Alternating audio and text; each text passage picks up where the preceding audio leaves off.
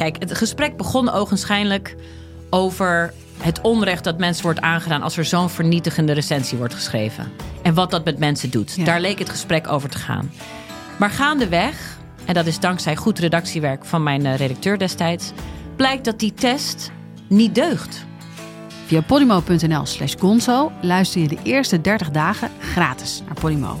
podimo.nl slash gonzo. Liegen over een mondkapjesdeal die je hebt gesloten met de overheid. Een deal waarmee je miljoenen hebt verdiend. Dat doet toch alleen Siewert van Liende? Nou, nee. Ik ben Felicia Alberding en in de Mondkapjesmiljonairs duik ik met een team van correspondenten in andere schandalen. Want wist je dat Siewert helemaal niet uniek is? Luister de Mondkapjesmiljonairs in je Podimo-app. Of ga naar podimo.nl slash mondkapjes. En probeer Podimo 30 dagen. podimo.nl slash mondkapjes. Dus ik had iets getekend. We hoeven, de wijkverpleging hoeft niet meer eh, vijf minuten te registreren bij alle handelingen die ze verrichten. Toen kwam Hugo de Jonge en op een gegeven moment hoorde ik hem op de radio zeggen: Ik ga een eind maken aan de vijf minuten registratie. En toen dacht ik: Hè? Heb ik nu iets, iets, iets mezelf toe bedicht wat ik nooit heb gedaan? Ik was echt een beetje. Ik, hè, ik dacht, U schrok even- van ik uzelf? schrok van mezelf. Eh, want ik dacht, misschien heb, is, is mijn herinnering te Ja, mooi. U kneep even in de arm van waar ben Maar- ik, waar sta ik, wat heb ik gedaan? Ja, en toen bleek dus ruim tien jaar later dat er eigenlijk niks veranderd was. En als we dus zoiets kleins, als we daar 10 tot 15 jaar over moeten doen om dat te veranderen, dan is het wel echt de vraag hoe we, hoe we met echte grote problemen, echte grote missies eh, omgaan. Dit is Betrouwbare Bronnen met Jaap Jansen.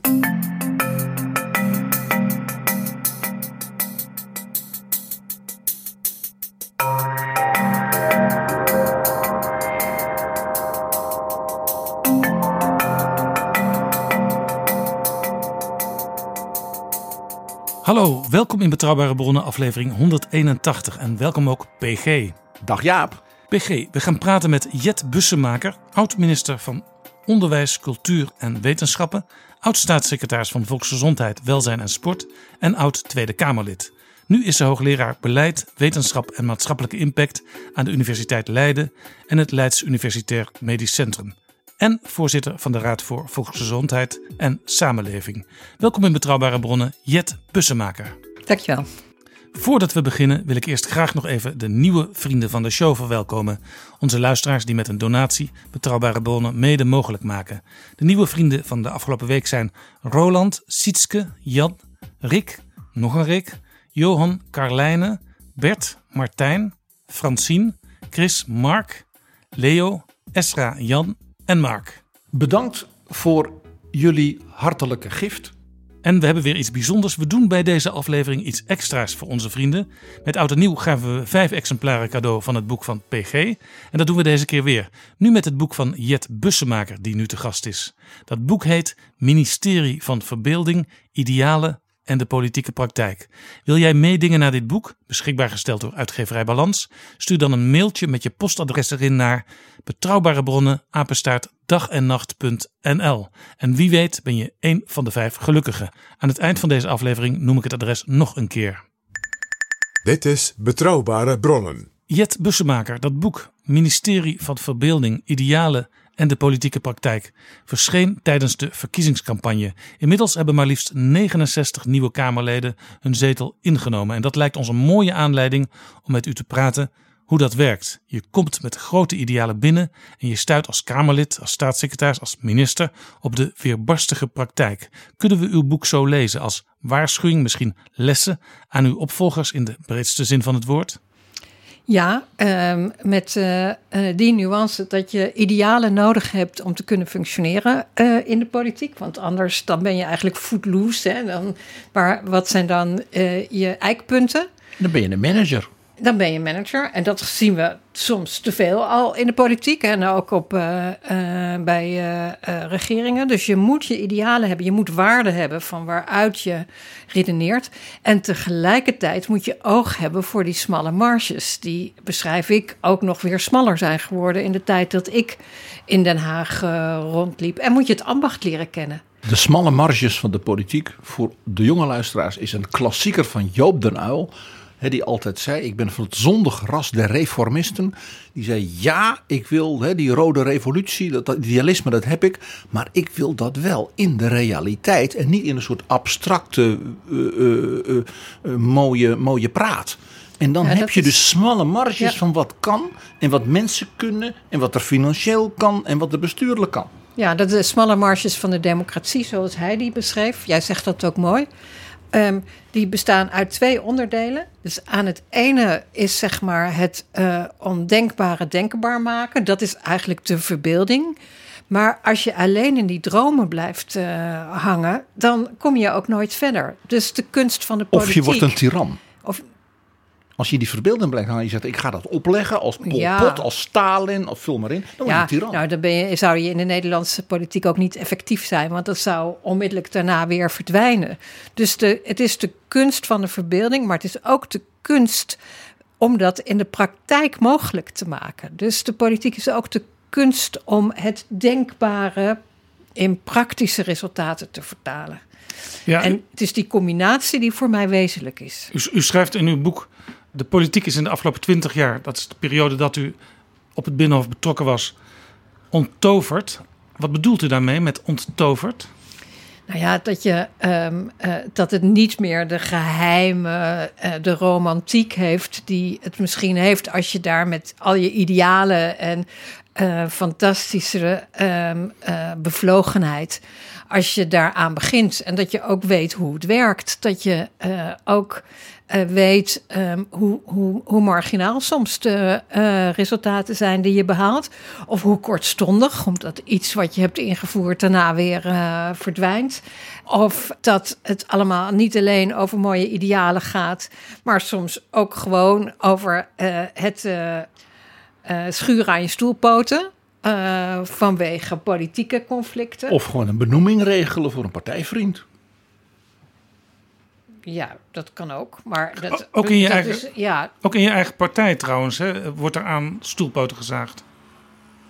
Ja, dus het is ook niet alleen dat, dat, het, eh, dat iedereen die diezelfde idealen onderschrijft, dat, het daar al, dat die altijd als een fantastisch eensgezind team eh, door, eh, de, door, de, door de politieke realiteit gaan. Ik kwam als Kamerlid, ja, je kan het bijna niet meer voorstellen, in 1998 als nummer 45. Als laatste kwam ik eh, direct in de Kamer. eh, Dat waren trouwens kok. nog eens tijden, hè? 45 zetels ja, Partij van de 45 Arbeid. zetels, dankzij Wim Kok.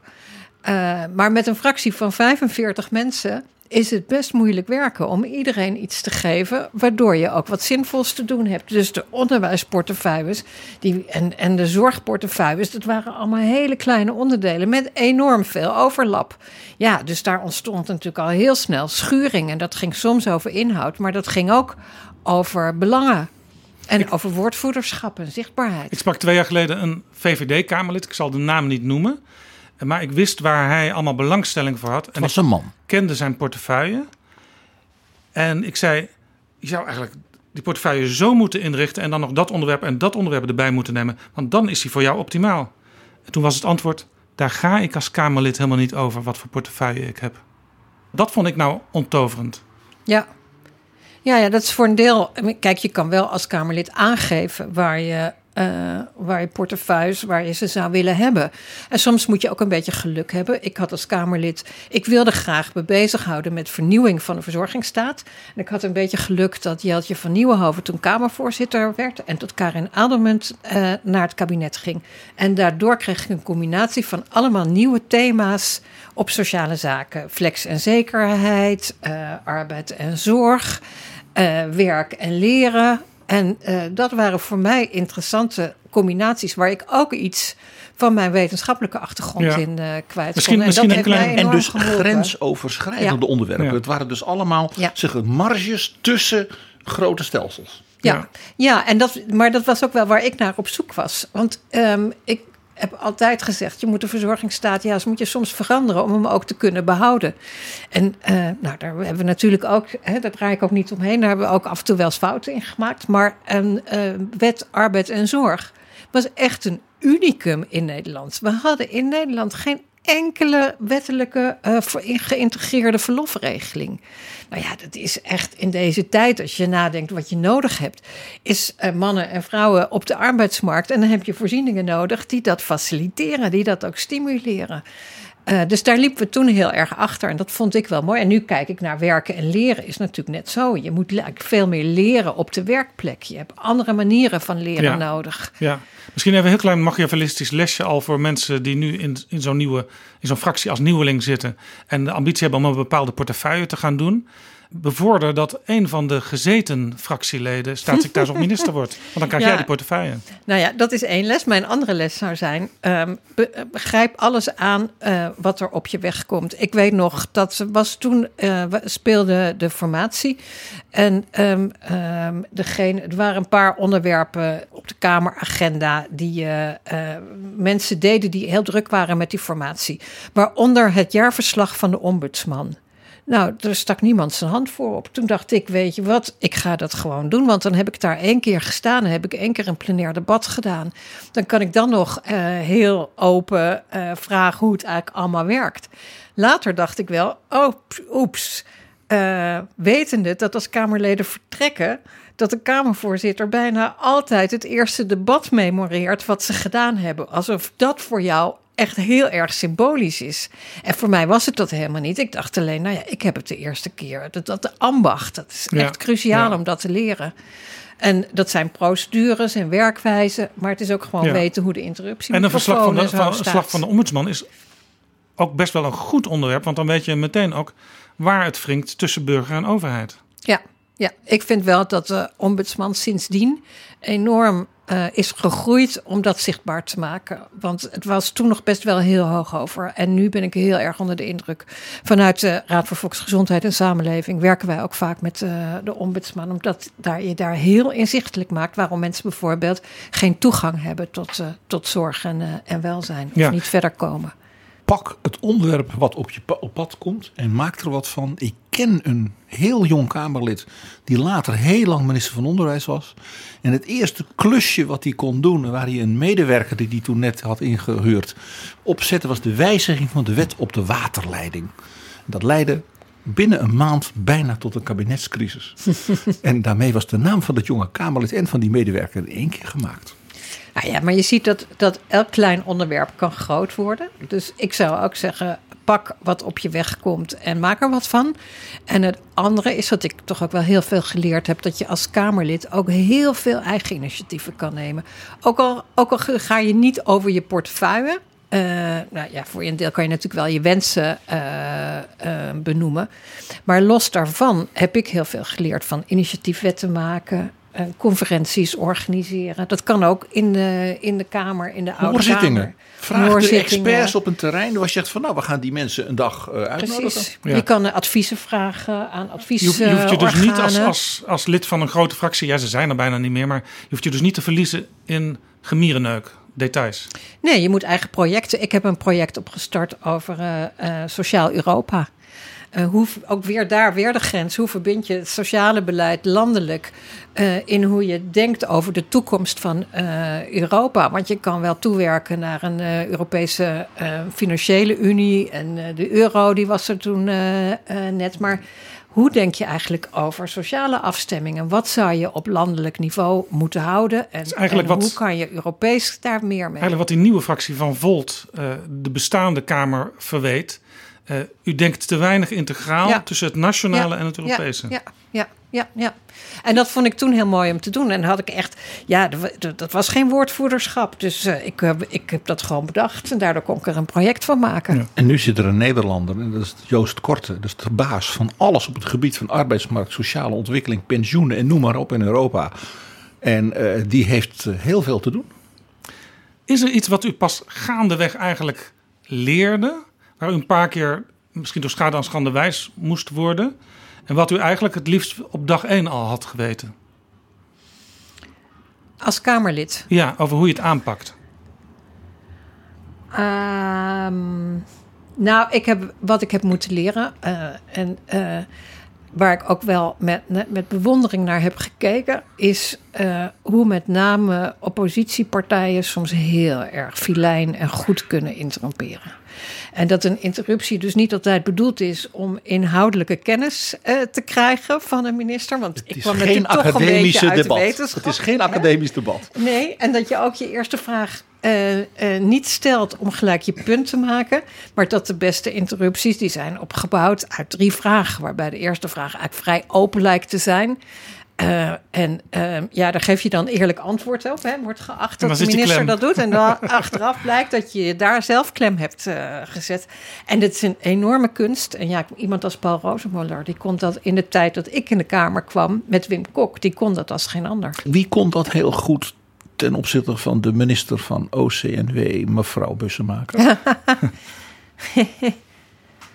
Jasper van Dijk bijvoorbeeld?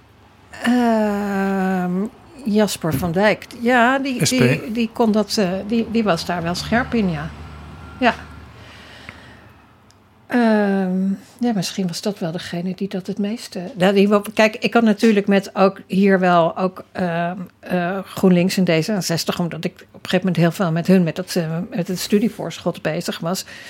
Um, behoorden zij tot, voor dat onderwerp, en dat was natuurlijk een heel groot onderwerp, niet meer uh, helemaal tot, uh, uh, tot de oppositie. Nee, ze maar Jasper kon mij, wat, wat Paul Rozenmuller ook wel deed met Wim Kok, het om zijn linkse geweten aanspreken, dat kon Jasper van Dijk heel goed met mij over gelijke kansen.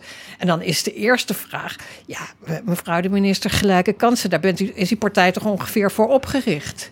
Dan kan je eigenlijk alleen maar ja zeggen natuurlijk. Ja. Is het moeilijker om nieuw binnen te komen als Kamerlid in een partij die regeert dan in een partij die in de oppositie zit? Nou, dat weet ik niet. Um, uh, ik denk dat het allebei. Kijk, het ingewikkelde van, van in een regering zitten is dat je met heel veel meer belangen rekening uh, moet uh, houden. En dat je um, niet alleen kan zeggen wat je vindt, maar ook hoe je zorgt dat je de regering op een goede manier en eerlijk ondersteunt. En die denken daar natuurlijk af en toe anders over. En die vinden het bij ondersteuning bedoelen ze niet controle. En kritisch nee, volgen. Nou ja, dat, kijk goed, dat hangt van, van kabinetten en hangt ook van individuele bewindspersonen uh, af.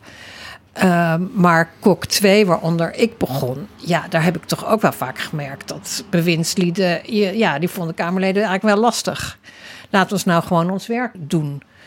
Ik denk dat het heel belangrijk is dat je toch ook in regeringen daarom uh, ministers hebt die ook zelf Kamerlid zijn geweest, die een beetje weten hoe het werkt. Want ik heb ook wel mensen van buiten gezien die, die, die helemaal geen kamerervaring hadden. Uh, Dreigt die als je moeilijk buiten- hadden ja. om, om de Kamerleden te volgen. Dreigt als je minister of staatssecretaris wordt en je komt van buiten dat je te veel op sleeptouw wordt genomen door je ambtenaren? Nou ja, dat kan ook voor Kamerleden gelden, die, die, uh, die, of ministers gelden die Kamerlid zijn Nou, maar ik bedoel eigenlijk, uh, die ambtenaren die zullen vaak adviseren in de zin van: zo gaat dat hier, dit zijn de processen. Ja, nou ja, dan vind ik eigenlijk dat je ambtenaren geen recht doet. Want ik heb ontzettend veel te danken aan de ambtenaren met wie ik heb gewerkt. En ik zal geen kwaad woord over ze spreken. Uh, zij hebben ook de kennis. Dus daar moet je ook naar luisteren. Maar jij bent wel degene die moet sturen op wat jij in die periode wilt bereiken. En als je, ik ben elke keer als staatssecretaris en als minister met twee A4'tjes begonnen met vier punten vanuit zeg maar mijn overtuiging, mijn waarden, mijn idealen. Waar zou ik iets op uh, willen uh, bereiken? Ja. En ook om dat mee te geven. Want het gaat niet alleen om de techniek van wat je wilt bereiken, maar ook met het verhaal wat je daarmee uh, wilt Ja. vertellen. En volharding. Dat je dus niet bij de eerste de beste tegenwind zegt... oh nou, dan laat ik van die vier punten er maar twee vallen. Ja, en, en, Dat en ze dan- weten, ik ga voorlopig nog wel even door, vrienden. En dan kan het dus wel zijn dat je tegen ambtenaren zegt, die zeggen, maar goed, zo gaat dat hier, of zo hebben we het eerder geprobeerd. En dat je zegt, ja, dat is heel goed dat jullie dat zeggen. En vertel het me nog uitgebreider, want dan ben ik nog beter voorbereid. Maar ik kan dan nog steeds de conclusie trekken dat ik het toch wil gaan doen. Ja, soms, soms komt een een minister of staatssecretaris binnen echt van buiten. En die wordt dan geconfronteerd met een regeerakkoord. Waarvan hij of zij denkt. Ja, als ik het had geschreven, dan had het er heel anders uitgezien. Dat is ook best lastig. Ja, maar dat geldt misschien wel voor iedereen die minister wordt, die, zelf niet het regeerakkoord heeft geschreven. Ik ben een paar keer heel direct bij, uh, bij formaties betrokken geweest. Mislukte formatie tussen CDA en P van de A. Maar toen ik de laatste keer minister was, toen was ik hier rector op de Hogeschool van Amsterdam. Dus toen heb ik me eigenlijk helemaal niet zo met, met dat regeerakkoord bemoeid. En dan kan je er natuurlijk nog wel iets van vinden. En dan heb je een. Um, en dan, maar, maar dan komt u binnen en dan denkt u, regeerakkoord gezien hebbende, al die problemen waar ik de afgelopen jaren tegenaan ben gelopen, die worden ook de komende vier jaar door mij niet opgelost. Nou, of, uh, ofwel. Ik, uh, ik had veel ervaring in het hoger onderwijs. Ik was bestuurder van hogeschool en universiteit. En ik werd minister van Onderwijs. En daarmee ging ik ook hoger onderwijs doen. Dat was ook eigenlijk de enige reden voor mij om in Amsterdam te kunnen vertellen dat ik daar weg uh, ging. En ik wist wel ondertussen van binnenuit hoe lang het duurt en hoe moeilijk het is om ook kleine veranderingen tot, tot de, zeg maar op het niveau van de werkvloer van een docent en student, om die te laten landen. En daar heb ik heel veel aan gehad. Ik zeg niet dat ik daarmee altijd effectief ben geweest, maar ik wist het wel. Ja. En u had natuurlijk nog een ander voordeel. U was staatssecretaris geweest van ja. gezondheidszorg. Ja. En wist dus dat zo'n regeerakkoord na een half jaar natuurlijk gewoon verdwenen is. Ja, ja, dat is natuurlijk. Kijk, zo'n regeerakkoord is belangrijk. En uh, je moet goed nadenken. Maar het is ook heel snel weer weg. Maar het is ook heel snel weer weg. Ja. Uh, uh, alles waar ik het grootste deel van mijn tijd aan heb besteed, dat waren niet de afspraken uit het regeerakkoord. Dat was alles wat er gewoon op je weg komt. Ja, lastig is natuurlijk wel vaak dat je met een financieel kader te maken hebt wat moeilijk te veranderen is. Dat, dat, is. dat vind ik het meest lastige. En ik vind nog steeds dat ook in het Nederlandse politieke denken de, de, um, de financiering wel heel erg dominant uh, geworden ja, is. En ook de rol van het ministerie van Financiën?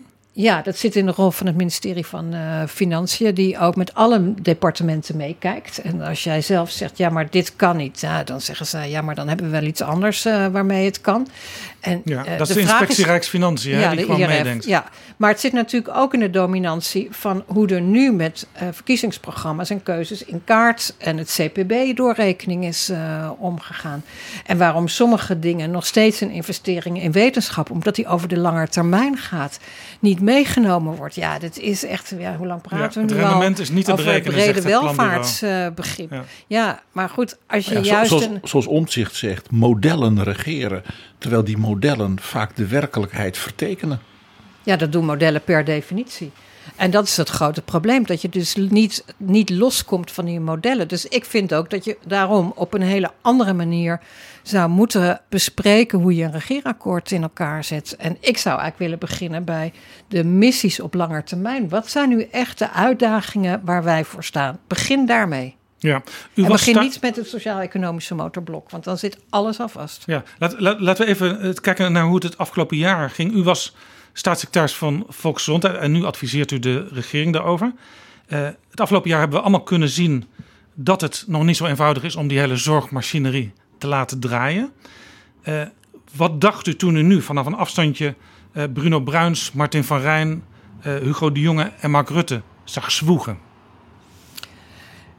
Nou ja, dat we dit wel een beetje met elkaar zo geregeld uh, hebben. Uh, kijk, de bedoeling was dat we um, de, de invloed van de overheid en de verstatelijking zouden um, uh, verminderen om meer um, initiatief van onderop te creëren. om meer samenwerking te creëren, om meer efficiëntie in het systeem te creëren. Maar dat heeft alles bij elkaar tot een stelsel geleid waar eigenlijk um, steeds minder ruimte is om uh, nog te navigeren. Want iedereen heeft zijn eigen belangen. Iedereen heeft zijn eigen protocollen. Iedereen heeft zijn eigen manieren waarop je wordt afgerekend. Heel vaak niet door het ministerie, maar door externe, omdat je een ZPO bent of omdat je een private organisatie uh, bent.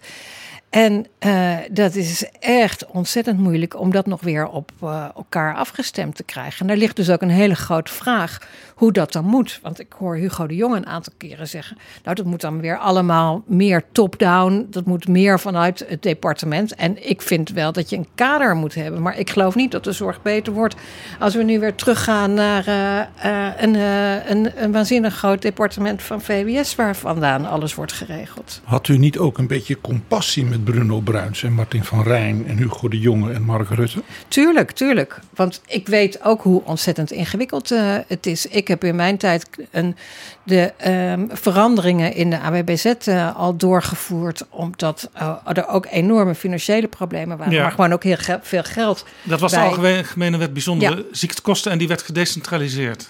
Het is in Rutte 2, toen ik minister van OCW was, door Martin van Rijn als staatssecretaris van VWS gedecentraliseerd. Maar toen ik op VWS zat, toen was de eerste WMO, ik geloof vier weken van kracht. En moest ook de AWBZ al hervormd worden. En dat hebben we toen ook eh, gedaan. En toen bleken er allemaal echt vreselijke onbedoelde gevolgen te zijn. De meest kwetsbare kinderen die tussen wal en schip eh, dreigden eh, te komen. En niemand zei, iedereen zei: Ik ben niet verantwoordelijk. Want het is de verantwoordelijkheid van de andere aanbieders, of van de zorgverzekeraars, of van de zorgkantoren. En ja, dan haal je iedereen bij elkaar. En uiteindelijk, dan vraagt dat echt leiderschap. Ja, en de staatssecretaris of de doen. minister die is wat dan genoemd wordt systeemverantwoordelijk. Ja. Maar die zit dan met de handen in het haar. Ja, nee, dat is echt de systeemverantwoordelijkheid. eh, is wel een van de grootste ongemakken als bewindspersoon. Eh, dat heb ik ook zowel bij VWS als bij OCW heel erg aan den lijve ondervonden. Want je bent verantwoordelijk voor het systeem. Dus eigenlijk alleen maar of anderen hun taken kunnen doen. Of het systeem goed werkt. Maar het systeem is vaak een geduldige papieren werkelijkheid. En de problemen die ontstaan, of dat nu gaat over mensen die zorg missen, of het nu gaat over kinderen die niet het juiste onderwijs eh, krijgen of niet eh, goed genoeg. eh, dat, zijn, dat zijn de echte politieke vragen. Maar daar, daar ga je dan, daar heb je maar heel gebrekkige regie over. En je, wordt er wel, je bent er formeel niet verantwoordelijk voor, maar je wordt er wel verantwoordelijk voor gehouden. Ik heb dus ook geleerd dat je er maar beter wel over uit kan spreken en mee kan bemoeien. Hoewel je vaak het advies krijgt, zeg er maar niks over, want eh, het is formeel niet jouw verantwoordelijkheid. Ja, en die bemoeienis vanuit de minister of staatssecretaris leidt in ieder geval tot discussie. Dat iedereen zich weer bewust wordt van, moeten we hier niet iets veranderen? Ja, maar dus is wel de vraag hoe je dat dan moet doen. Want je, je, je moet het niet te makkelijk overnemen van anderen. Eh, want dat kan je ook niet. Die- dat, dat zie ik nu wel, ook als ik kijk naar hoe het met corona gaat. Kijk, ik heb absoluut compassie met alle bewindspersonen die daarmee te maken hebben gehad. Want het is een helftjob. Ik denk wel dat we daarvan moeten leren dat we veel meer naar adaptieve vormen van bestuur moeten. En dat het niet. Adaptieve vormen Ja, van bestuur. waarbij je veel meer rekening kan houden met onzekerheden. En niet probeert die onzekerheden steeds maar weg te redeneren. En dat is wel wat ik een groot probleem vind Ja, met de een, corona on- een onzekerheid die bijvoorbeeld weggeredeneerd was, denk ik, de afgelopen periode was. eh, we kunnen het met zoveel intensive care bedden aan. Ja, en dus nu daar er eigenlijk de oplossing van te worden. We hadden te weinig intensive care bedden, dan moeten er dus meer komen. Maar de vraag is of dat de oplossing eh, eh, is. Want misschien duurt het 80 jaar voordat er weer een pandemie komt. Ja. Maar krijgen we Hoe wel een watersnood. Dus nou, ik denk meer En rekening straks heb je, houden heb met... je intensive care, maar heb je dus geen, Geen mensen. mensen. opgeleid. Want dat is het allergrootste probleem. En als je ze wel opleidt, dan haal je ze misschien weg bij de verpleeghuizen. En dan heb je daar weer een probleem. Of bij de GGZ. Dus zeg maar, het, het sturen, wat ook wel. Kijk, we hebben eh, maandenlang hebben we steeds cijfers gekregen over het aantal besmettingen, het aantal mensen op de IC's. En de vraag is of die simpele cijfers nou de zekerheid geven waar je beleid op kan eh, maken. Ik heb al vaak gezegd, we zouden ook veel meer oog moeten hebben. Niet alleen voor de R van de besmetting, maar ook de R van de sociale effecten eh, ervan, die misschien nog veel langer doorwerken. En als je dat doet, dan krijg je wel een, dan krijg je een beleid wat, wat misschien moeilijker uit te leggen is. In eerste instantie. Omdat je minder rechtlijnig kan sturen. Maar wat denk ik wel op langer termijn duurzamer. eh, Ja. Zijn de beleidsmakers misschien ook niet verblind door dat plotselinge virus wat opkwam? Eh, want mensen die, die dringend geopereerd moesten worden om hele andere redenen, die moesten ineens wachten. Ja, maar ja, dat is natuurlijk het hele ingewikkelde. Niemand kon voorzien hoe dit zou verlopen. Uh, en uh, we hebben natuurlijk steeds korte spurts genomen vanuit het idee: dit gaat een paar weken duren. Oh, het gaat een paar maanden duren. Nou, het gaat nog een paar maanden uh, duren. En ondertussen duurt het al meer dan een jaar. Dat heeft natuurlijk niemand bedacht. Maar het bedenken, dat bedoel ik ook een beetje weer, ga ik weer terug naar de verbeelding. Misschien in het eerste moment toch ook toelaten, uh, meer tegenspraak toelaten, meer andere scenario's uh, toelaten. Om na te denken over hoe je het ook anders aan kan uh, pakken. En dat is echt, dat is niet alleen nu met, met corona, maar dat is eigenlijk altijd voor ehm, departementen cruciaal om die tegenspraak te blijven organiseren. Tot op het hoogste niveau, juist daar. Ja, als we naar de verkiezingscampagne kijken, we hoorden bijna alle partijen roepen: het moet afgelopen zijn met de marktwerking in de zorg. Wat dacht u toen? Nou ja, eh, dat, laten we dan eerst eens even hebben waar we het nou precies over hebben. Want wat is nu marktwerking? We hebben gereguleerde marktwerking uh, in de zorg. En dan gaat het altijd over de zorgverzekeraars. Ik, mijn grootste frustratie als staatssecretaris was uh, marktwerking in de thuiszorg.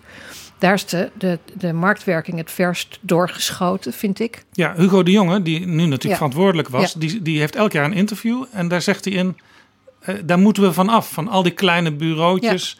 Ja. Uh, het, het, zijn er wel uh, in één wijk wel 150 bureaus die zich daarmee bemoeien. Ja, ik denk dan, daar heeft hij natuurlijk volkomen gelijk in. Maar hij, hij zegt het elk jaar en ik zie verder niks gebeuren. Nee, dus daar is ook veel voor nodig om dat te uh, veranderen. Ik zie ook, kijk, uh, de thuiszorg zijn ook heel veel ZZP'ers, kleine bureautjes die dat doen. Uh, de vraag is of iedereen toegelaten moet worden. Maar als je echt wat ik zou willen, graag meer samenwerking op wijk- en regio-niveau wil hebben, dan heb je zowel de samenwerking tussen het sociale domein en de zorg nodig, als wel een paar partijen, wijkzorg, die, die ook um, het overzicht over de sociale kaart van die wijk uh, heeft, ja, dan, ja. Heb je, dan moet je wel een flink aantal uh, maatregelen. Is dat eigenlijk niet gewoon de andere de, financiering? De, de, ouderwetse wijkzuster? Ja, nou ja, goed. Ik heb uh, de wijkzuster omarmd toen ik er zat. Vond ik heel mooie initiatieven die van onderop kwamen, waarvan ze zeiden: we willen de wijkzuster weer terug. En buurtzorg werkt natuurlijk ook op zo'n soort manier. Die is opgericht toen ik net begon. En um, ik vond het toen wel echt uh, verontrustend om te zien hoe Jos de Blok met zijn buurtzorgteams uh, uh, ontvangen werd en bekeken werd door de grote traditionele thuiszorgorganisaties. En het is helemaal niet zo dat ik vind dat iedereen als buurtzorg moet werken, maar je kon er wel van leren. Want de medewerkers die uh, gingen, stroomden allemaal naar buurtzorg toe, omdat ze zeiden: hier kan ik weer mijn professie kwijt, ja. hier kan ik waarde in mijn werk leggen. En in plaats van na te denken wat de grote traditionele thuiszorgorganisaties daarvan konden leren voor hun mensen, zeiden ze dat Jos de Blok altijd de krenten uit de pap haalde en dat ik hem voortrok. En ja. nou ja, dus het lerend vermogen, dat is denk ik echt cruciaal. En dat is iets wat de minister samen moet doen met het veld. En daar is marktwerking, is daar een onderdeel van. Maar zonder marktwerking zou je deze problemen ook allemaal uh, hebben. Logge grote thuiszorgorganisaties die niet bereid zijn om samen te werken. Want die zullen ook vanuit hun eigen instellingsbelang gaan denken. Dus we moeten echt wat creatiever denken dan alleen voor of tegen marktwerking. Ja, het alternatief voor marktwerking, wat dan neoliberaal is en dus fout. Hè? Uh, is dan uh, het ziekenfonds moet terug, het zorgfonds. En iedereen is dan het ziekenfondsbrilletje en de hopeloze gebitten van de kinderen uit die tijd vergeten. Nou ja, en, en ook, kijk, dat is natuurlijk wel wat het nieuwe zorgstelsel gebracht heeft. Is het precies het opheffen van het onderscheid tussen privaat verzekeren en ziekenfonds. Uh, als ik nu kijk naar de zorg, dan zie ik wel heel veel inefficiëntie en zie ik ook heel veel productie draaien. Dus zeg maar, het, het betalen voor verrichtingen leidt ertoe dat je mensen steeds meer verrichtingen uh, gaan toepassen. En dat, nou, wat ook de NZA, Zorginstituut, zegt, niet meer goed kijken naar wat zinnige zorg uh, is. En dan moet je dus ook weer terug naar de waarde. Niet alleen naar de, de zorg als een afzetmarkt. Um, maar waar voeg je waarde toe door zorg te bieden aan kwaliteit van ja. leven? En dat is een hele ingewikkelde discussie. Maar ik ben blij dat ik ook zorgverzekeraars zie, die nu bijvoorbeeld zeggen: er moet een, um, een zorgplicht, een uh, preventieplicht komen voor verzekeraars, zodat ze niet meer alleen pas gaan vergoeden als je uh, ziek bent, maar dat je um, gaat investeren om uh, preventie te bevorderen. En dan niet alleen zeg maar in de zin van minder roken en gezond eten. Ja, maar vooral ja, dit is dus zorgen... typisch iets wat de politiek kan doen. Je kunt uh, verzekeraars, wat dus marktwerking is, kun je wel iets opleggen. Je kan, ja, je kan de wet veranderen. Kijk, als je, uh, je, je kan. En ondertussen zie ik verzekeraars die dat zelf willen. Dus ik zou zeggen, zoek dat op. En zorg, ga ik weer grens over, dat bijvoorbeeld zorg- en schuldenaanpak veel meer geïntegreerd worden. Want ik zie mensen ziek worden van bestaansonzekerheid, van hele grote schulden.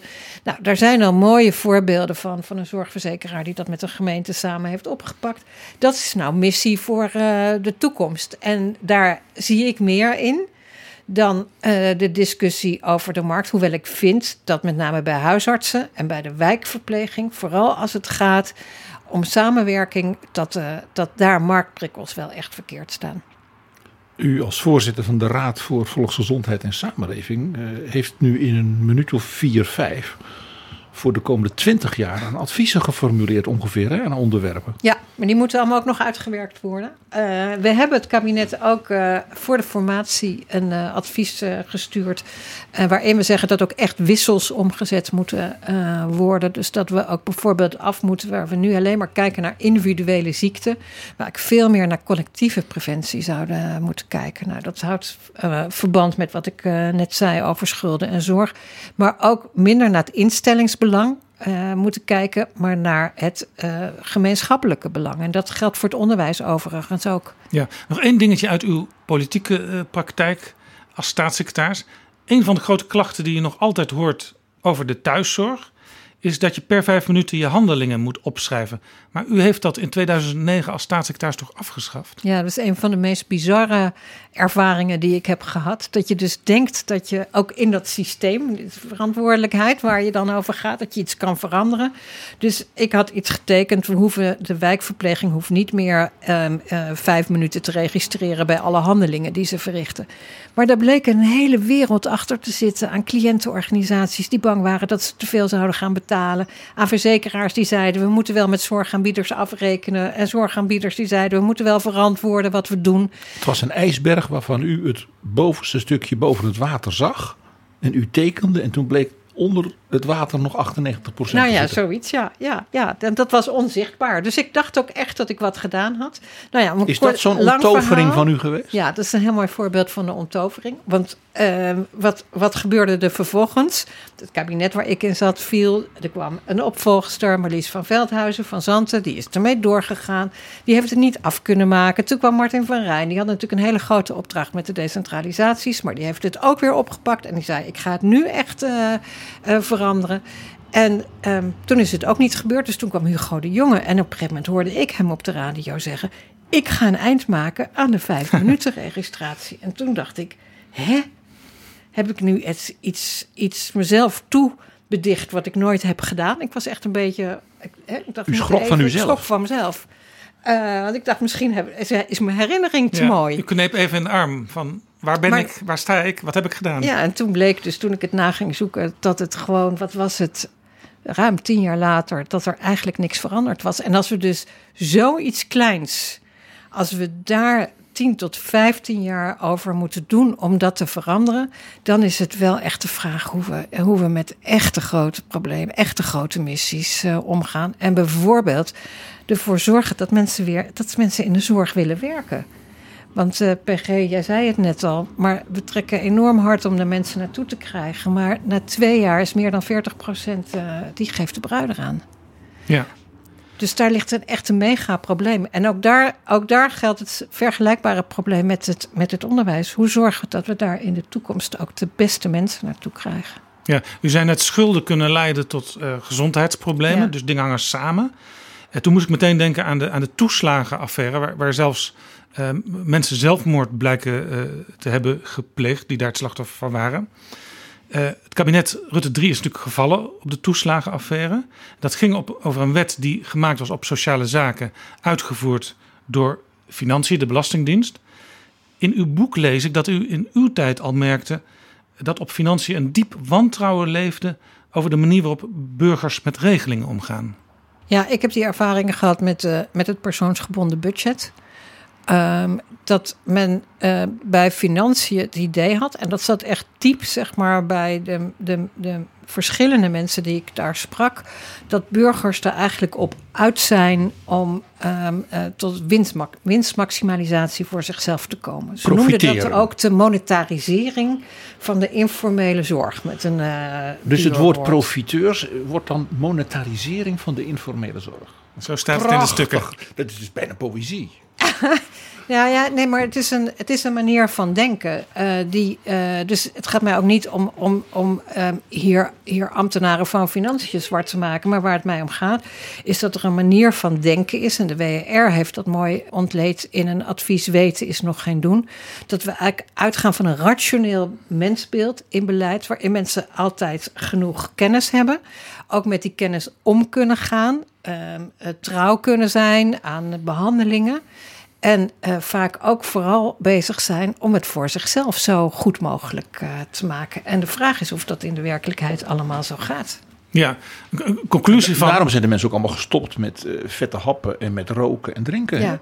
Ja, nou ja, en daarom zie je dat bijvoorbeeld eh, sommige preventiebeleid, roken is heel effectief geweest, maar veel effectiever voor hoger opgeleiden dan voor lager opgeleiden. Dus we moeten veel beter nadenken over hoe je die groepen eh, kan bereiken. En dat, da- daarmee moeten we niet terug naar het oude, oude zeg maar, eh, ehm, doelgroepenbeleid voor elke doelgroep wat anders, wat ook van bovenaf was bedacht, maar veel meer met, Ja. met burgers samen. Ja, toen ik eh, heel lang geleden politicologie studeerde, een paar, paar jaar na u kwam ik aan de UvA. Toen, toen leerde ik eigenlijk meteen al dat algemene regels, waar je natuurlijk vaak als wetgever mee werkt, want anders wordt het wel heel ingewikkeld, dat die toch meestal in het voordeel uitpakken van mensen die hun weg weten Ja. in de regelwereld. En dat zijn dat in principe mensen die hoog opgeleid Ja. zijn. Nou ja, daarom is het dus zo belangrijk dat er eh, ruimte is om van regels af te wijken. Hè? Discretionaire bevoegdheid noemen we dat dan eh, in eh, de wetgeving. Ehm, je zou ook kunnen zeggen dat je, nou daar bepleiten wij als RVS ook voor, dat er tussen eh, systeemwetten, dat er een bepaald percentage is waarin je gewoon tussen die wetten kan eh, afwijken. Bijvoorbeeld de participatiewet en, eh, en een zorgwet. Ja. Die of de jeugdzorg is een goed voorbeeld. Waar, heel, waar het heel vaak wringt als je alleen maar kijkt naar de rechtmatigheid. En ik denk dat bij de toeslagen, dat daar, ja, daar heeft, maar daar heeft de Tweede Kamer ook een hele grote rol in gespeeld. Om het zo strak te, te formuleren. Dat de uitvoerder ook eigenlijk geen kans Ja, meer. eh, geschrokken van meer fraude die werd aangetroffen, werd gezegd: alles moet op fraude gezet worden. En nou, de- toen dachten die ambtenaren: dat vinden wij een duidelijke opdracht. Ja, zo. En daar kregen ze ook gelijk in, ook van de Raad van State. Wat ik in mijn boek beschrijf, en, ehm, ook, ook dat, dat is niet iets voor mij om trots op te zijn. Maar dat ik ehm, eh, zelf ook geadviseerd ben en dat ook zo heb willen uitvoeren.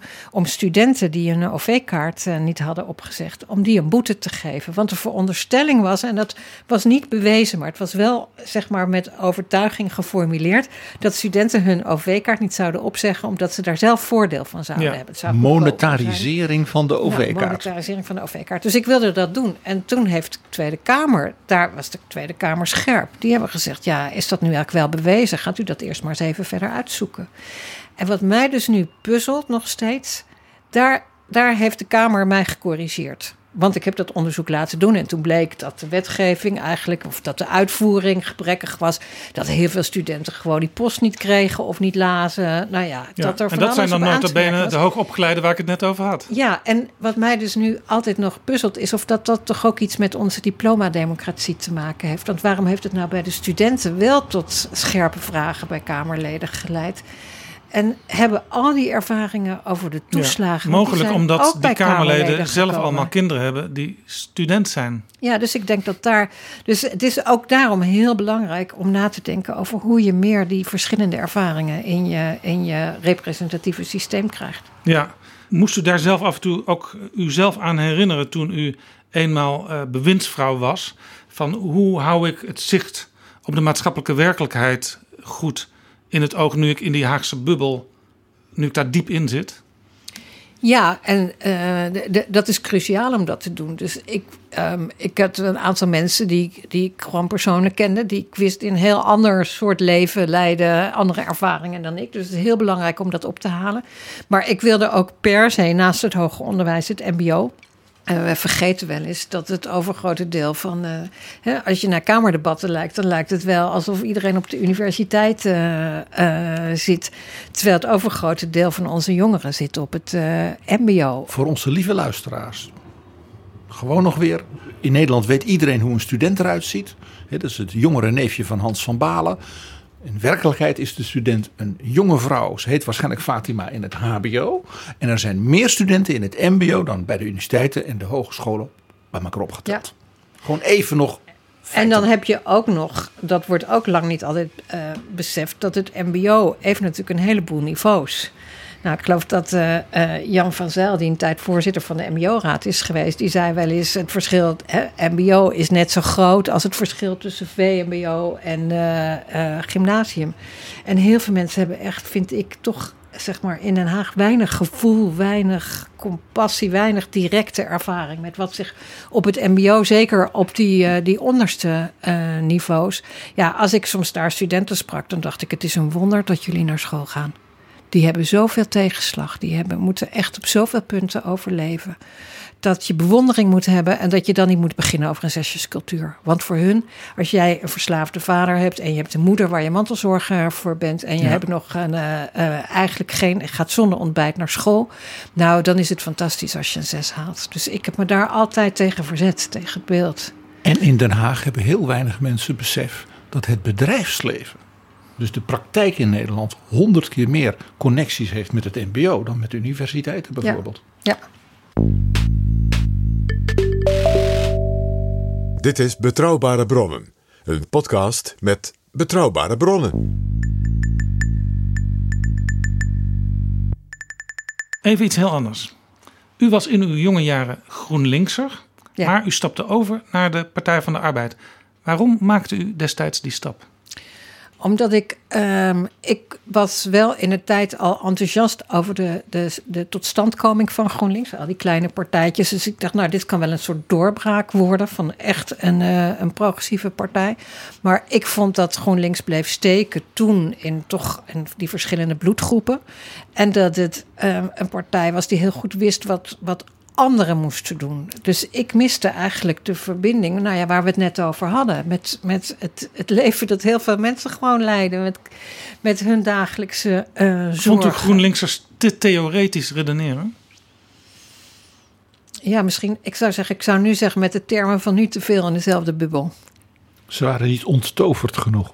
Nou ja, ja misschien, eh, misschien niet. Het waren wel allemaal hele aardige mensen, dus dat was het niet. Eh, maar ik, ik was toch meer, ik merkte dat ik meer een brede volksbeweging opzocht, waarin verschillende perspectieven samen zouden komen en om van daaruit eh, progressief beleid eh, te formuleren. U zei net al, toen ik in de Kamer kwam, had de Partij van de Arbeid 45 zetels. Nu heeft de Partij van de Arbeid 9 zetels. GroenLinks heeft 8 zetels. Ja. De SP moeten misschien ook nog even aanstippen, heeft ook 9 zetels. Dat is een enorme val als je dat historisch bekijkt. Ja. Zeker ook voor de Partij van de Arbeid. Ja. Er wordt nu gesproken over.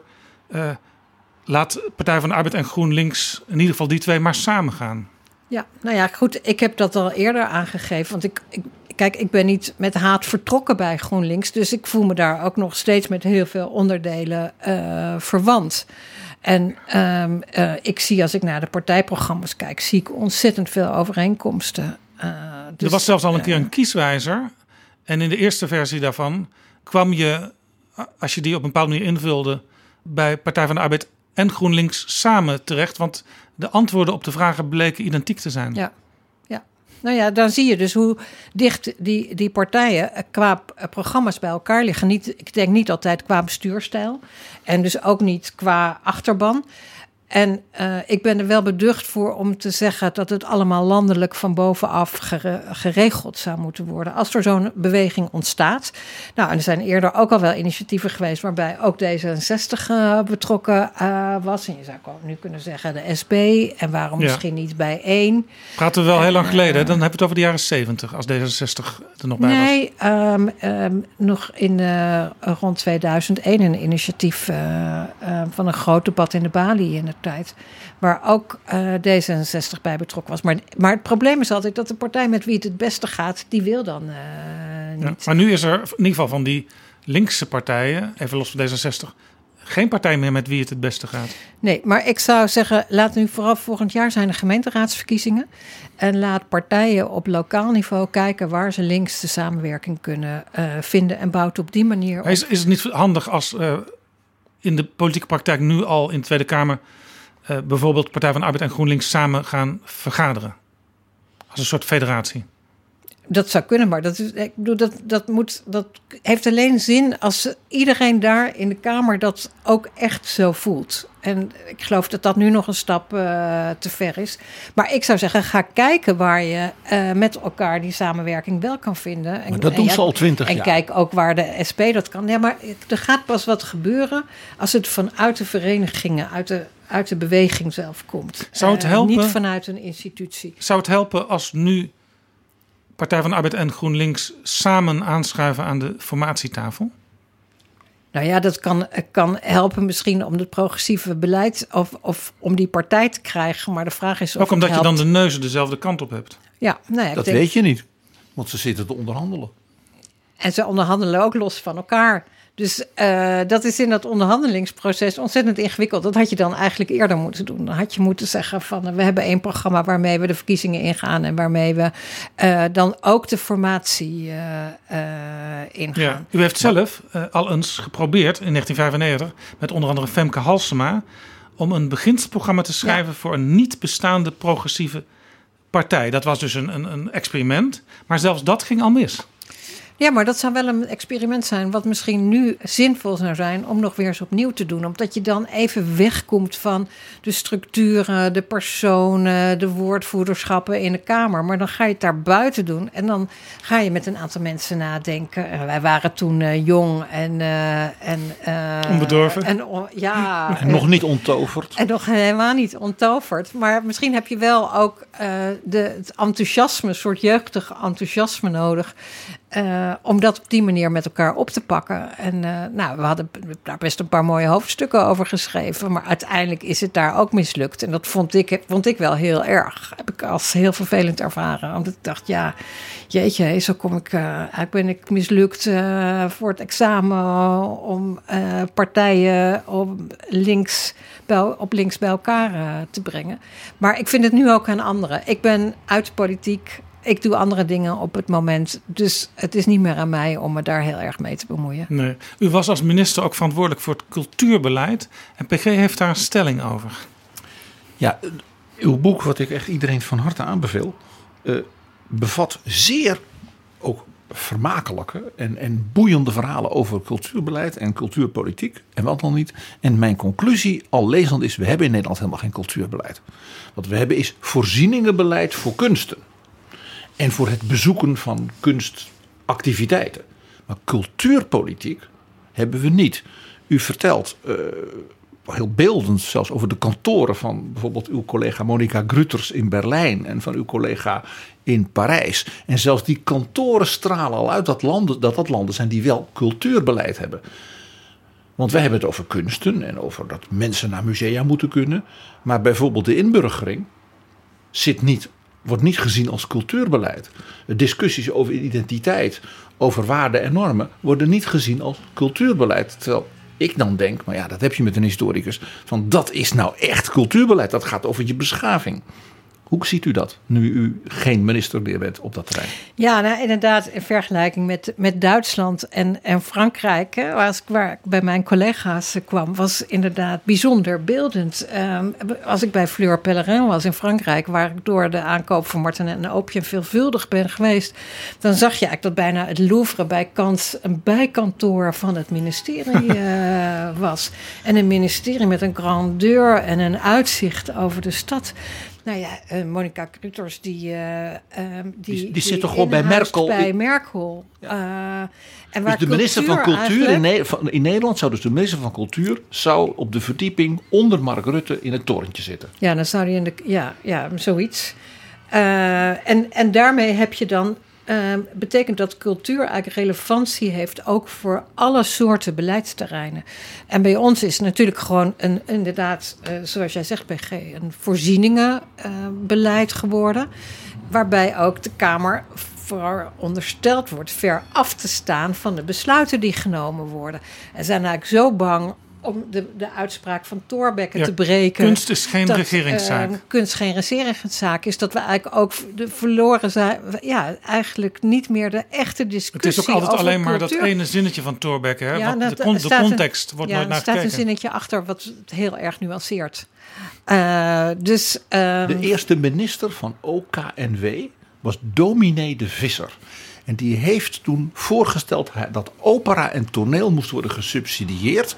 Omdat je daarmee als overheid ook een boodschap kon geven aan die gezelschappen. Dat ze kwaliteit en een maatschappelijke taak hadden. De, toen was het 50-50 in de Kamer en het zou dus worden afgewezen. En toen heeft zijn voorganger als leider van de CHU, de bijna 80-jarige baron de Safon in Lohman, tegen zijn eigen fracties, dus de christelijke fracties, met de minister meegestemd. Er was toen één stem meerderheid, want hij zei: Ik heb liever dat deze minister met subsidie die gezelschappen hun maatschappelijke taak, ook voor de zedelijkheid natuurlijk, aanspreekt dan een ander. En zo is er in Nederland een subsidie ontstaan voor betere vormen, meer maatschappelijke betrokkenheid van de kunsten. Dat zegt iets over de manier waarop in Nederland dus hierover wordt nagedacht.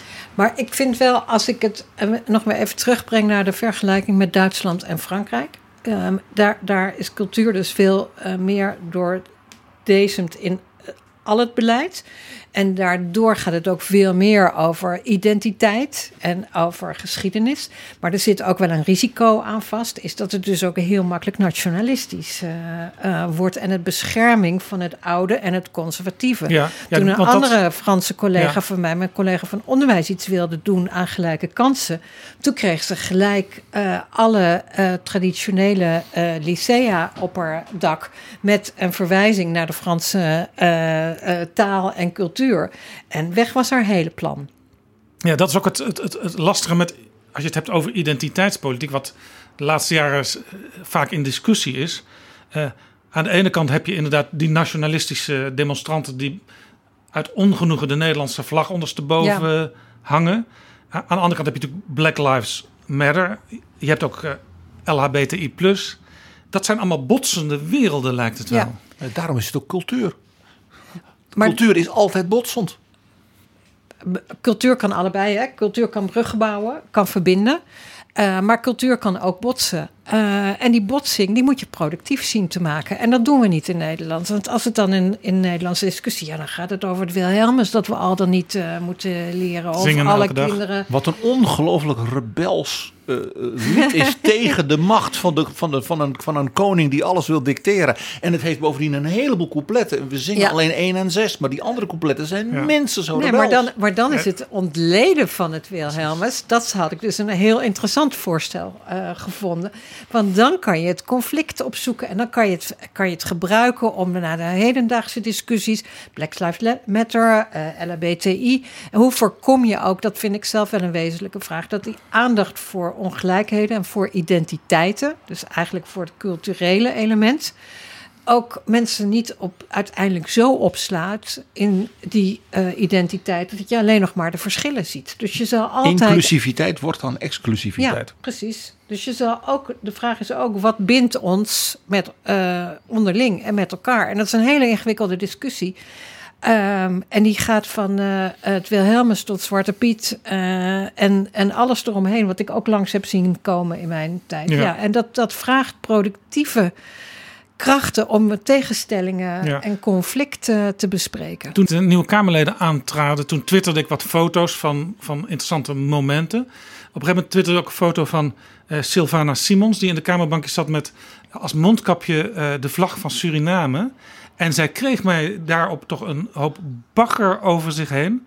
Terwijl je kunt dat ook zien als iets van: ik ben geboren in eh, Paramaribo. Ik geef een statement dat ik ook mijn geschiedenis meeneem naar het parlement nu. Ja, maar zij, maar zij geeft daar zelf betekenis eh, eh, aan. Ik, ik ken deze foto niet, maar ja, kijk, er gaat sowieso enorm veel bagger eh, eh, tegenwoordig. Dus dat is niet de discussie die ik zoek. Eh, ik ben zelf ook echt gewoon echt heel erg. Nee, maar zeg maar, die, de, de, de belangstelling voor elkaar, zoals Ja. u zegt, die, die moet dus op de een of andere manier er zijn, maar die is er niet. Nee. Dus het, is, wordt, het is, mensen zetten Nee, elkaar meteen Het weg. gaat alleen nog maar over meningen ventileren en niet meer over luisteren en vragen stellen. En dat zou een veel interessantere discussie kunnen opleveren. eh, door ook aan Savannah Simons te vragen: waarom doe je dat? Wat is de betekenis hiervan? Wil je conflict opzoeken of wil je verbinding maken naar bepaalde bevolkingsgroepen in Nederland? En dan de vraag: maar hoe ga jij je dan verbinden? Met die andere eh, groepen. Want dat is natuurlijk toch de kunst waar we het in het begin over hadden. Niet alleen de kunst van het verbeelden van de idealen, maar ook de kunst om dat mogelijk te maken. Dat je je ook weet te verplaatsen in die groepen die gerepresenteerd worden door andere Kamerleden dan jouw eigen achterban. Ja, en, toen, en, en hoe zou een nieuw Kamerlid in Paramaribo, die met een mondkapje met de Nederlandse vlag zou Ja, ook dat is inguldigd worden, hoe zou die ontvangen worden? Want ook die spanning van de rollen en historische wortels en de daarin, eh, eh, nou mag ik het zeggen, besloten eh, spanningen, leed, eh, maar ook fascinatie voor elkaar, die komen ook op die manier Ja. tot uitdrukking. Ja. ja, toen Joe Biden aantrad, toen was er een, werd er een prachtig gedicht voorgedragen Ja. door Amanda Gorman. Ja. Marieke Lucas Rijneveld zou dat in het Nederlands gaan vertalen. En daar kwam een storm van protest en uiteindelijk gaf zij haar opdracht terug. Als u min- nog minister was, dan had ik u nu gevraagd... hoe kijkt u daar als minister tegenaan? Nou, kijk, ja, ik. Dan dit- zegt u waarschijnlijk, de kunst is geen staatszaak. Ja, de kunst is geen staatszaak, dus daar laat ik me Ik niet beroep mij uit. op Torbekke. Ja, ja, ja, dat is dan het makkelijke Ineens antwoord. bent u liberaal geworden. Kijk, wat ik aan de, ehm, aan de ene kant snap ik wel dat mensen eh, zeggen: zoek nou nog eens verder naar eh, eh, mensen met een biculturele achtergrond. Want ik heb ook zelf ervaren, met alle discussies die ik ben gestart over vrouwelijke hoogleraren, vrouwen aan de top, dat er altijd werd gezegd: standaard, ze zijn er niet. Het werd gewoon niet goed genoeg gezocht, dus je moet beter zoeken. Dat geldt hier ook. Tegelijkertijd moet het altijd een kopie zijn van degene eh, die dat gedicht heeft voorgedragen. Dus in dit geval moet het een bicultureel of zwart iemand zijn. Of kan iemand die juist heel fluïde is met seksuele identiteiten en man-vrouw ook die verbinding zoeken, omdat zij ook de, de, de, eh, thuis is in, eh, in, in een vertaling van gedichten. Nou ja, daar, dus dat is wel de vraag. Je zou wel, ik zou graag willen dat je, ook als je niet helemaal hetzelfde bent, dat je niet identiek hoeft te zijn, dat je die verbinding kan zoeken. En wie zou dan nog het werk van Frans Kafka mogen vertalen in het Nederlands? Ja. Maar nogmaals, ik snap ook de andere kant. eh, dat er gezegd werd, ga verder zoeken naar meer spoken words artiesten. En eh, ga ook kijken wat er, eh, of je iemand kan vinden met een meer vergelijkbare achtergrond. En als dat niet zo is, dan kan je de discussie starten. Ja. Maar dit is een mooi voorbeeld van. Maar dit is wel een mooi voorbeeld van waar we het hiervoor over hadden. Cultuurpolitiek raakt veel meer dan wat ik dus noem voorzieningen. Ja, en het gaat dus altijd over spanning en verbinding. En als je die koppeling niet mee te maken, dan gaat het alleen maar over spanning en dan verdeelt het de samenleving. En de kunst is om ehm, die spanning wel toe te laten. En nogmaals, om die productief te maken, zodat die ook tot verbinding kan leiden. Ja. Dat is een hele lastige opdracht, wordt makkelijk gezegd. Maar het is wel een waar we in Nederland heel hard aan moeten werken, naar mijn idee.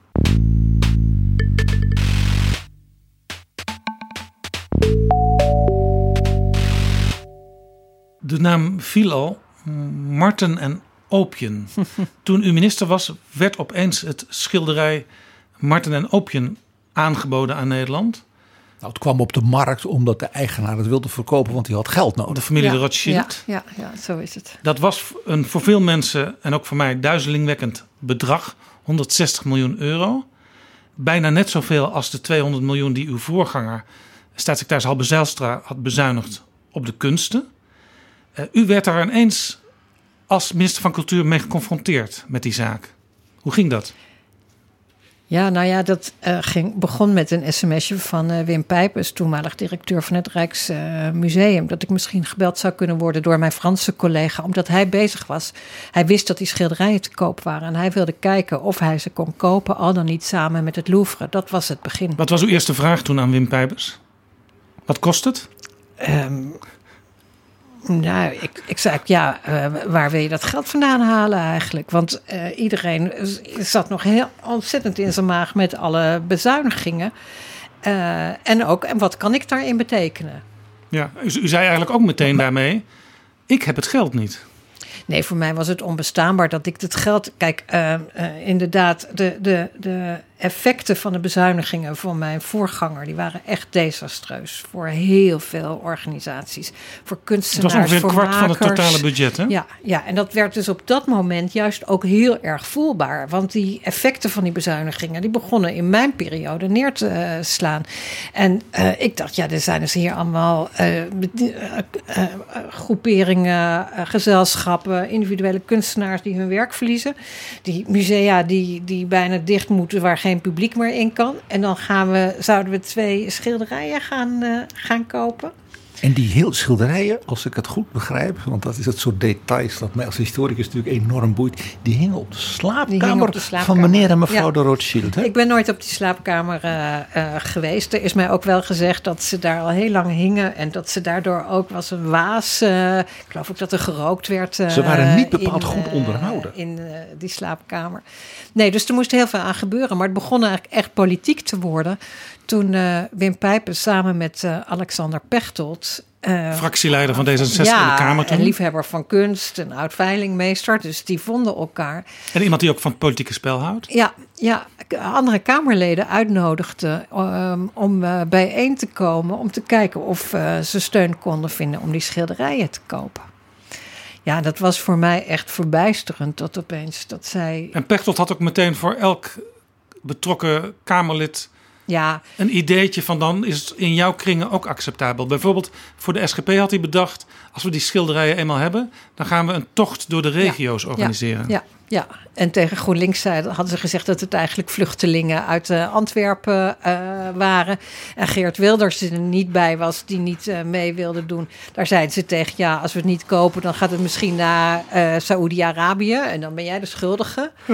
Eh, dus ja, nee, dat hebben ze bij. Ik was er niet bij, maar dat hebben ze magistraal gedaan. Alleen het probleem daarna was natuurlijk dat eh, eh, Mark Rutte, die, het was vlak voor de algemene politieke beschouwingen, en die dacht, ja, ja, dan moet ik die schilderijen maar kopen. Die is natuurlijk super pragmatisch en dat soort dingen. En die zei Dan hebben we dit ook weer los het maar op. En eh, ja, dan komt minister van Financiën gaat naar de vakminister. Dus die kwam weer eh, bij mij. Dus ik dacht, ik zit aan de ene kant met een enorme bezuiniging van mijn voorganger opgescheept. En u zat natuurlijk met een hele strakke partijgenoot op financiën, de heer Dijsselbloem, die natuurlijk zei: Wat een geweldig goed idee, Jet. 160 miljoen, snij dat even uit die studiebeurzen, dan is dat ook weer gedekt.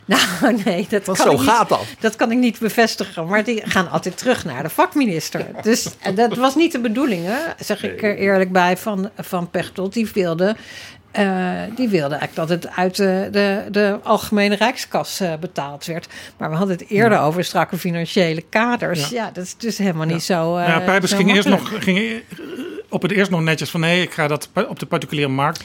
Hij wou dat- dat particuliere markt en hij wou proberen om het dan te delen. Dat de overheid een deel zou eh, betalen. En die algemene politieke beschouwingen die kwamen steeds dichterbij. En in eh, Frankrijk kreeg de minister spijt dat ze die eh, vergunning, exportvergunning, had afgegeven.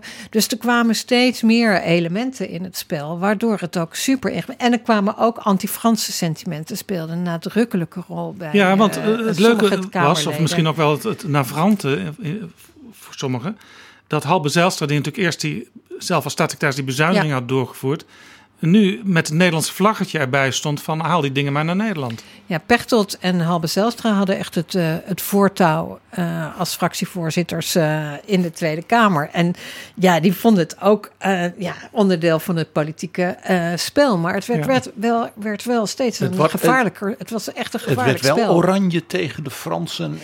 Ja, hè? en, en dat was, kijk, ik was vanaf het allereerste begin, vond ik het idee van samen die twee schilderijen kopen, want daar ging het allereerste begin over, vond ik interessant. Ik vond het ook vanuit het Europese perspectief interessant. Die schilderijen hebben een geschiedenis in Frankrijk en Nederland. Ga Ja. kijken of het kan. En het idee was ook om ze dan om de paar jaar Precies. in een van de landen Nou, dat zo is het uiteindelijk ook gegaan, maar via een hele grote omweg. Want de eh, Tweede Kamerleden die betrokken waren, die wilden gewoon die twee, en het Rijksmuseum ook, die wilden vooral die twee schilderijen naar Nederland en niet bij de Fransen eh, hebben. Dus er zat, zat echt een enorme culturele machtsstrijd tussen Frankrijk en Nederland. Ja, dit kan je dus eh, ook achter. gebeuren. Hè? Dan ben je, zit je op die mooie plek, je bent minister. Maar dan gaat ineens de Tweede Kamer en ook nog twee hele gewiekste Kamerleden die het voortouw nemen, die gaan op jouw stoel zitten. Ja, dit is een heel mooi voorbeeld. Ik bedoel, dit zal nooit in een regeerakkoord eh, staan. Maar het heeft mij, denk ik, wel een half jaar... heeft het eh, ongeveer de helft van mijn tijd eh, gekost. En Jaap, nu ga ik een aantal feiten noemen. Want mevrouw Bussemaker is natuurlijk veel te beschaafd eh, om die dingen te doen. Dus dan doe ik dat. Ten eerste, die twee schilderijen die je natuurlijk nooit uit elkaar moest halen. Want die waren gemaakt als huwelijksschilderij Ja. van dat echtpaar. Dus heel nadrukkelijk ook in hun letterlijk en figuurlijk paasbest. In hun allermooiste kleding. Als, als, als, als ja, conspicuous consumption. Zoals dat in de baroktijd eh, van Rembrandt werd beleefd. Dus die moest je samen doen. En dat zou dan 160 miljoen kosten. En wat is er nu uitgekomen? Het heeft 80 miljoen gekost. Dus de Hollanders hebben dankzij minister Bussemaker voor de helft van het geld de beide schilderijen gekregen. En ik ga er nog iets bij zeggen: 160 miljoen, dat klinkt als heel veel geld. Het is helemaal niks. Het is helemaal niks. Want Frenkie de Jong, of Messi of Ronaldo, die zijn allemaal veel duurder en daar hoor je nooit iemand over. Nee, kijk, het gaat niet. kijk, Die schilderijen zijn natuurlijk echt zijn hele bijzondere schilderijen. En het zijn eh, eh, eh, schilderijen van Rembrandt die. die, die En die stoppen niet over vijf jaar met omdat ze een, een, een, een, een blessure hebben gekregen, zodat ze niks meer kunnen doen. Nee, en ik, wa- wat voor mij de motivering was om me er ook wel direct zelf mee te bemoeien, was om te voorkomen dat die schilderijen naar de private markt zouden gaan. Daarom had ik ook met Naar mijn collega, precies, eh, van minister eh, Fleur Pellerin uit eh, Frankrijk, de afspraak. Wij gaan samen kijken of we überhaupt iets kunnen betekenen, of dat nou juridisch of financieel. Kijk, Navrante was de vergelijking met eh, het samengaan met die enorme bezuiniging eh, van, eh van Halbe Zijlstra uit Rutte 1. Dat maakt het, vond voor mij heel erg ingewikkeld om met die twee sporen tegelijkertijd bezig te zijn. En me te zeggen, nou laten we die schilderijen maar kopen. Dus ik heb me heel erg verzet om de rijksbijdrage, om die op een of andere manier van mijn departement te laten komen. Ik zei, ja, als de Kamer dit wil, dan moeten zij ook maar bedenken waar het dan in die hele rijksbegroting vandaan moet komen. Ja, uw, uw- collega uit Frankrijk is uiteindelijk afgetreden. Hè? Dat ook, had ook hiermee te maken. Ja, die is vrij snel eh, hierna eh, afgetreden. Er speelden ook andere dingen eh, mee. Haar gebrekkige kennis over een Nobelprijswinnaar, een Franse Nobelprijswinnaar. Ehm, ehm, ik geloof ook een kabinetswisseling die makkelijker gaan in Frankrijk dan, dan in Nederland. Maar dit heeft zeker meegespeeld. Want er is heel veel discussie over gekomen in Frankrijk. Over de woede dat ook daar toch een nationalistisch eh, besef eh, van ja, zomaar die exportvergunning eh, geven voor die schilderijen. Dat werd haar niet in dank afgenomen. Terwijl de eindoplossing zo mooi is. Dat je dus die twee iconische musea, die twee schilderijen, hè, om de zoveel tijd kunt laten exponeren. En als ze, ze dan in het andere museum zijn, dat een prachtige schilderij uit de collectie ja, Ja. verhuist. Zodat bijvoorbeeld het Rijksmuseum hè, Titiaans jonge man met de handschoen een aantal jaren kan hangen in de eregalerij. Zijn sublieme portret. Nederland heeft op het punt niets van Titiaan, de grote schilder. En dat daarna Maarten en Roopje weer naar Amsterdam komen. En er bijvoorbeeld een prachtig zelfportret van Rembrandt, waar Amsterdam er genoeg van heeft, in het Louvre kan hangen. Er is natuurlijk geen betere reclame, om het even zo te zeggen, maar ook Europese wederzijdse culturele inspiratie denkbaar dan deze oplossing. Ik vind hem fantastisch en dat vond ik toen al. Nou, dankjewel. Ik ben het helemaal met je eens, want het is een prachtige uh, oplossing. Het was ook uniek, hè, want we moesten er heel veel verdragen voor uh, wijzigen. Om met twee landen twee schilderijen te hebben die onafscheidelijk uh, zijn. Maar ja, het is, het is gelukt, dus ja. ik ben er ook heel blij mee. We gaan richting de afronding van dit gesprek. We hadden het een beetje over welke lessen zou je nou kunnen trekken uit de ervaringen als Kamerlid, als staatssecretaris, als minister en hoe kunnen mensen die nu aantreden op het Binnenhof daarvan leren? Er wordt nu weer een nieuw kabinet gevormd, althans, dat is de bedoeling. Hoe kijkt u naar de gebeurtenissen rond de kabinetsformatie de afgelopen weken? Ja. Valt een grote stilte. Ja, ja, ja, waar, ja waar zal ik beginnen? Um, uh, nou, dat is natuurlijk een Begin heel... maar met de verkiezingsuitslag. PvdA negen zetels. Ja, dat is natuurlijk heel erg treurig, teleurstellend. Uh, niet alleen, ik vind het, aantal zetels van de PvdA, ik had toch wel echt iets meer verwacht. Dat we daar weer een stapje zouden zetten. Maar ook dat links, uh, uh, jullie constateerden dat net al heel erg slecht gedaan heeft. Ja. Maar ik weet ook hoe snel het allemaal weer kan veranderen. Hè? Ik heb ook uh, gezien hoe snel Wouter Bos populair werd. En ik heb ook gezien hoe Diederik Samson in uh, twee maanden tijd er geloof ik twintig zetels uh, bij heeft. Maar nou is het wel omineus denk ik dat de Partij van de Arbeid twee keer achter elkaar met vier jaar ertussen op negen zetels staat. Ja, ja, maar heel veel van die discussies gingen nog steeds. Lilian Ploemen zei dat op een gegeven moment ook ergens scherp. Die zei: Ja, wie heeft er nog steeds over wat we in Rutte 2 gedaan hebben. Maar daar zijn we in 2017 al wel voor afgerekend. En ondertussen zit er nu bijna drie, vier jaar een ander kabinet. Laten we het daar eens over Is hebben. Lodewijk Asscher terecht afgetreden? Hij vond dat hij op een gegeven moment moest aftreden. naar aanleiding van de toeslagenaffaire. Ja, ik kan alleen maar respect hebben voor zijn uh, uh, besluit. En uh, of dat, ja, ik bedoel, het is terecht, denk ik, omdat hij zelf de overtuiging had dat hij af moest treden. Maar ik vind het wel, um, ik vind het heel zorgelijk als ik kijk naar hoeveel politiek leiders de PvdA heeft gehad. En soms zie je ook, dat zag je natuurlijk met Mark Rutte ook, dat je door diepe dalen moet om vervolgens daar ook weer uit te kunnen komen. Maar ik kan voor Lodewijk alleen maar respect uh, hebben. En als ik nu kijk naar de kabinetsformatie, ja, dan denk ik dat, dat, men, uh, dat er echt wel een paar hele grote fouten bij die verkenning zijn gemaakt. Door te beginnen eigenlijk bij de, blijkbaar bij de mensen en niet bij de opdrachten die, waar Nederland voor staat. Dus ik zou ook wel een andere manier van formeren. Ook minder alleen over dat sociaal-economische motorblok. Maar meer vanuit de missies uh, waar we, die we zouden moeten formuleren. Nou, één missie is heel duidelijk klimaat. Ik vind een andere missie complexe ongelijkheid. Daar hebben we net ook een aantal voorbeelden zijn hier van Sanering van de apparaten.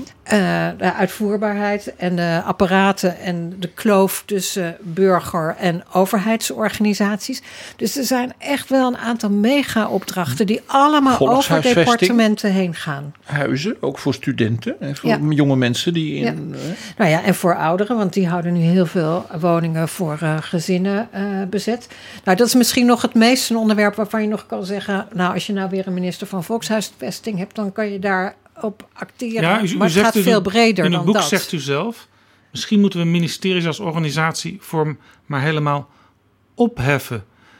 Maar dat, dan, dat is een horreur voor heel veel mensen die in Den Haag werken. Ja, nou ja, misschien. Uh, kijk, uh, uh, misschien hoef je ze ook niet allemaal op te heffen. Maar stel nou dat je een aantal van die missies gaat Algemene formuleren. zaken blijft. Nou, ja, nee, Financiën kan wel weg, had ik begrepen. uh, als je nou werkt vanuit uh, missies, dan ga je kijken wat willen we de komende jaren bereiken. Ook over doelen waar je dan breed uh, draagvlak voor moet vinden. Want het moet verder gaan dan over vier jaar. En wat heb je daar dan voor nodig? En welke kennis heb je daarvoor nodig? En welke ervaring heb je daarvoor nodig? En waar zit die? En bij welke departementen zit die? Dus dan krijg je meer projectgroepen. Wat nu wel zo af en toe geprobeerd wordt. Maar het is allemaal heel erg mondjesmaat. Maar het moet echt vanuit de inhoud. En het is, het is allemaal ook hier makkelijk gezegd. Maar je ziet dat die departement, departementale structuren en ook zeg maar de indeling van ministers die daarover gaan, ook heel erg veel vernieuwing tegenhoudt. En ik noemde in het begin een aantal voorbeelden van juist over terreinen die verbonden moesten worden met elkaar. En dat is nu voor de toekomst is dat ook cruciaal dat je dat uh, gaat doen. Dus de samenwerking tussen departementen, die moet veel en veel meer. En dan, nou, we hebben uh, bij de VN hebben we de Sustainable Development Goals. Daar zou je ook een aantal van kunnen vertalen naar Nederland. En dan ga je dus veel meer met die missies werken. En dan krijg je Ja. een andere manier van organiseren. waarbij is er- de waarde en ja. inhoud leidend is voor de uitvoering in plaats van andersom. Nou is er het verleden gezegd, ehm, we gaan een algemene bestuursdienst oprichten en we gaan mensen aan de top laten roleren. Want de ervaring die je op het ene ministerie hebt, die kun je ook Ja. goed toepassen op het andere ministerie. Maar nu blijkt soms als er dingen vastlopen, dat ook specifieke kennis aan de top soms on- ontbreekt. Ja, nou, zoals heel vaak gaat het altijd over eh, dat de slinger dan soms doorslaat. Vroeger had je wel ambtenaren die, eh, die 30 jaar op eh, één dossier en één directie bepaalden. En dat moet je ook niet hebben. Dus dat je rondkijkt, dat vind ik heel logisch. Maar je moet ontzettend oppassen dat het niet een soort managerial rotonde wordt van mensen die, die denken dat je wel elk terrein, omdat je kennis hebt over beleid maken, dat je dat overal kan. Je hebt ook die inhoudelijke kennis Ja. eh, nodig. Als je uitgaat van missies waar u voorstander van bent, wat zijn nou echt de grote dingen die we moeten gaan doen? En eh, eh, welke delen van departementen gaan daar samen aan werken? Dan moet je dus, concludeer ik, niet doen wat er in 2012 gebeurt in de kabinetsformatie. VVD en Partij van de Arbeid toen. Die een aantal belangrijke dingen hebben uitgeruild. Jij krijgt dit, ik krijg dat. En maar een paar dingen, daar maken we echte compromissen over dat is, dat is achteraf blijkbaar niet de juiste methode geweest. Nee, maar ik weet niet wat ik bedoel. gaat niet eens over of dat nou wel of niet de juiste methode eh, was. Want daar ging het echt op onderwerpniveau. Wat ik eigenlijk zou willen, als je nou echt iets wil doen met, eh, met eh, ongelijkheidsbestrijden, complexe ongelijkheid, gelijke kansen, dan moet je zorgen dat ministeries als OCW, SZW en VWS daar het voortouw nemen om daar een missie op eh, te organiseren. Wil je iets met eh, klimaat, dan zal je moeten zeggen dat een ministerie van INM samen met eh, eh, EZK en ehm, misschien nog een ander departement daar het voortouw moet nemen. Als je wilt, het punt dat je de, de uitvoeringen doorlicht en zorgt dat de dienstverlening verbetert. Nou, dan moet je een heleboel departementen die allemaal uitvoering zijn, want dan moet je het duo eh, van OCW en de SVB, van SZW En de en de, COA's. Belastingdienst, van eh, Financiën en de COA's. Dus dan, je, je krijgt dan een hele andere manier van. eh, Ja. eh, Ja, We hebben een heel mooi voorbeeld onlangs bij de kop gehad, Jaap. We hadden een fascinerend gesprek op nationaal en wereldniveau met Henk Ovink, de watergezant Ja, ja. van Nederland. Ja. Dat is nou een mooi voorbeeld van Ja. zo'n Ja. VN SDG, Ja, Social, wat het, Sustainable Development Goal, waar Nederland blijkbaar in staat is, wam, daar de leiding te pakken. Waarom doen we dat soort dingen niet ook in ja. eigen land? ja, de duurzame ontwikkelingsdoelen, dat wat in feite ook een aantal missies zijn. Ja, ja. Om bijvoorbeeld de armoede de wereld uit te helpen, om Ja. iedereen goed onderwijs te geven. Nou, en dat voorbeeld van Henk Ovink, want ik heb ook wel, toen ik minister was, met hem gesproken. Wat ik interessant was, zitten dus ook allemaal elementen in die met erfgoed te maken hebben, met cultuur te maken hebben. Eh, de eh, manier waarop we ons Nou, land hebben. polders en dijken, ouder is er niet. dijken, eh, molens, et cetera. Dus, daar, dus ook op die manier kan je op een andere manier gaan denken. Ja. En Als- beleid integreren. Het is een beetje dat nieuw sociaal contract van Omtzigt. Als hij dat ermee bedoelt. Dat, zo heb ik het nog niet gelezen, maar eh, als hij dat ermee bedoelt, dan komen Ja. we dicht bij elkaar. We kunnen denk ik met z'n drieën wel vaststellen dat het vertrouwen tussen de partijen onderling geschaad is de afgelopen weken. Misschien nog een laatste tip in dit gesprek van u. Hoe kun je dat vertrouwen weer helen? En hoe kun je ervoor zorgen dat er ja, toch binnen een paar weken vier, misschien vijf partijen aan tafel zitten die zich over die grote onderwerpen kunnen gaan buigen? Ja, dat zou ik. Dat is echt aan de partijen zelf. Uh, ik, ik weet niet genoeg. Ik zie ook dat het vertrouwen zeer geschonden is. Dus het begint ermee dat het vertrouwen weer uh, uh, teruggewonnen moet worden. En misschien moet je dan ook iets breder kijken. Want je blijft anders in dat kleine kringetje van mensen die elkaar toch al de hele tijd tegenkomen. En soms helpt dat niet. en moet je een breder perspectief kijken hebben. Om van daaruit weer. Dus misschien moet je daar ook even meer vanuit die missies, vanuit een andere manier van denken gaan dat is wel lastig voor bijvoorbeeld iemand als Mark Rutte, die heel erg vanuit die managersstijl opereert. Ja. Ja, nou ja, dan moet je, in de politiek moet je vaak jezelf weer helemaal opnieuw uh, uh, uitvinden. Maar, maar nogmaals, dat is echt aan de partijen die, die daar nu mee bezig zijn. En vooral aan degenen die gewonnen hebben. In de formatie is het vaak zo dat mensen als Kim Putters, Mariette Hamer, dat die langskomen bij de informateur en de partijen die als het met elkaar proberen te kijken. Zou u niet ook moeten langskomen vanuit uw raad? Nou ja, kijk, wij hebben al een advies uh, geschreven uh, aan het kabinet. Maar natuurlijk, als informateurs zouden willen dat wij langskomen, dan, uh, dan zijn we daartoe buitengewoon graag bereid. Wat is het eerste wat u dan tegen ze zou zeggen? Nou, dat je op een andere manier na moet denken over hoe je je beleid gaat uh, vormgeven, hoe je dat gaat uh, formuleren. En dat uh, problemen in de zorg die we nu zien bij corona, dat dat voor een heel groot deel ook samenlevingsproblemen zijn en andersom. Dus dat je die verbinding moet maken. Jet Bussemaker, hartelijk dank voor dit mooie, inzichtelijke gesprek. En tegen de luisteraars zeg ik, lees dat boek Ministerie van Verbeelding, Idealen en de Politieke Praktijk, uitgegeven door Balans. Dank u wel. Graag gedaan.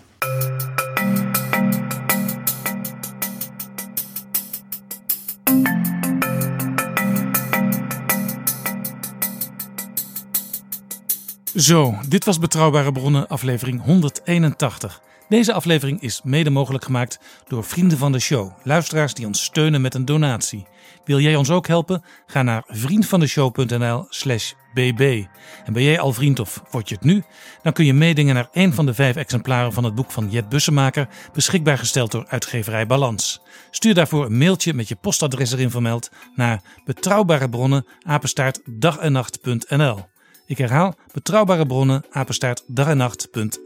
Tot volgende keer. Betrouwbare bronnen wordt gemaakt door Jaap Jansen in samenwerking met dag en nacht.nl.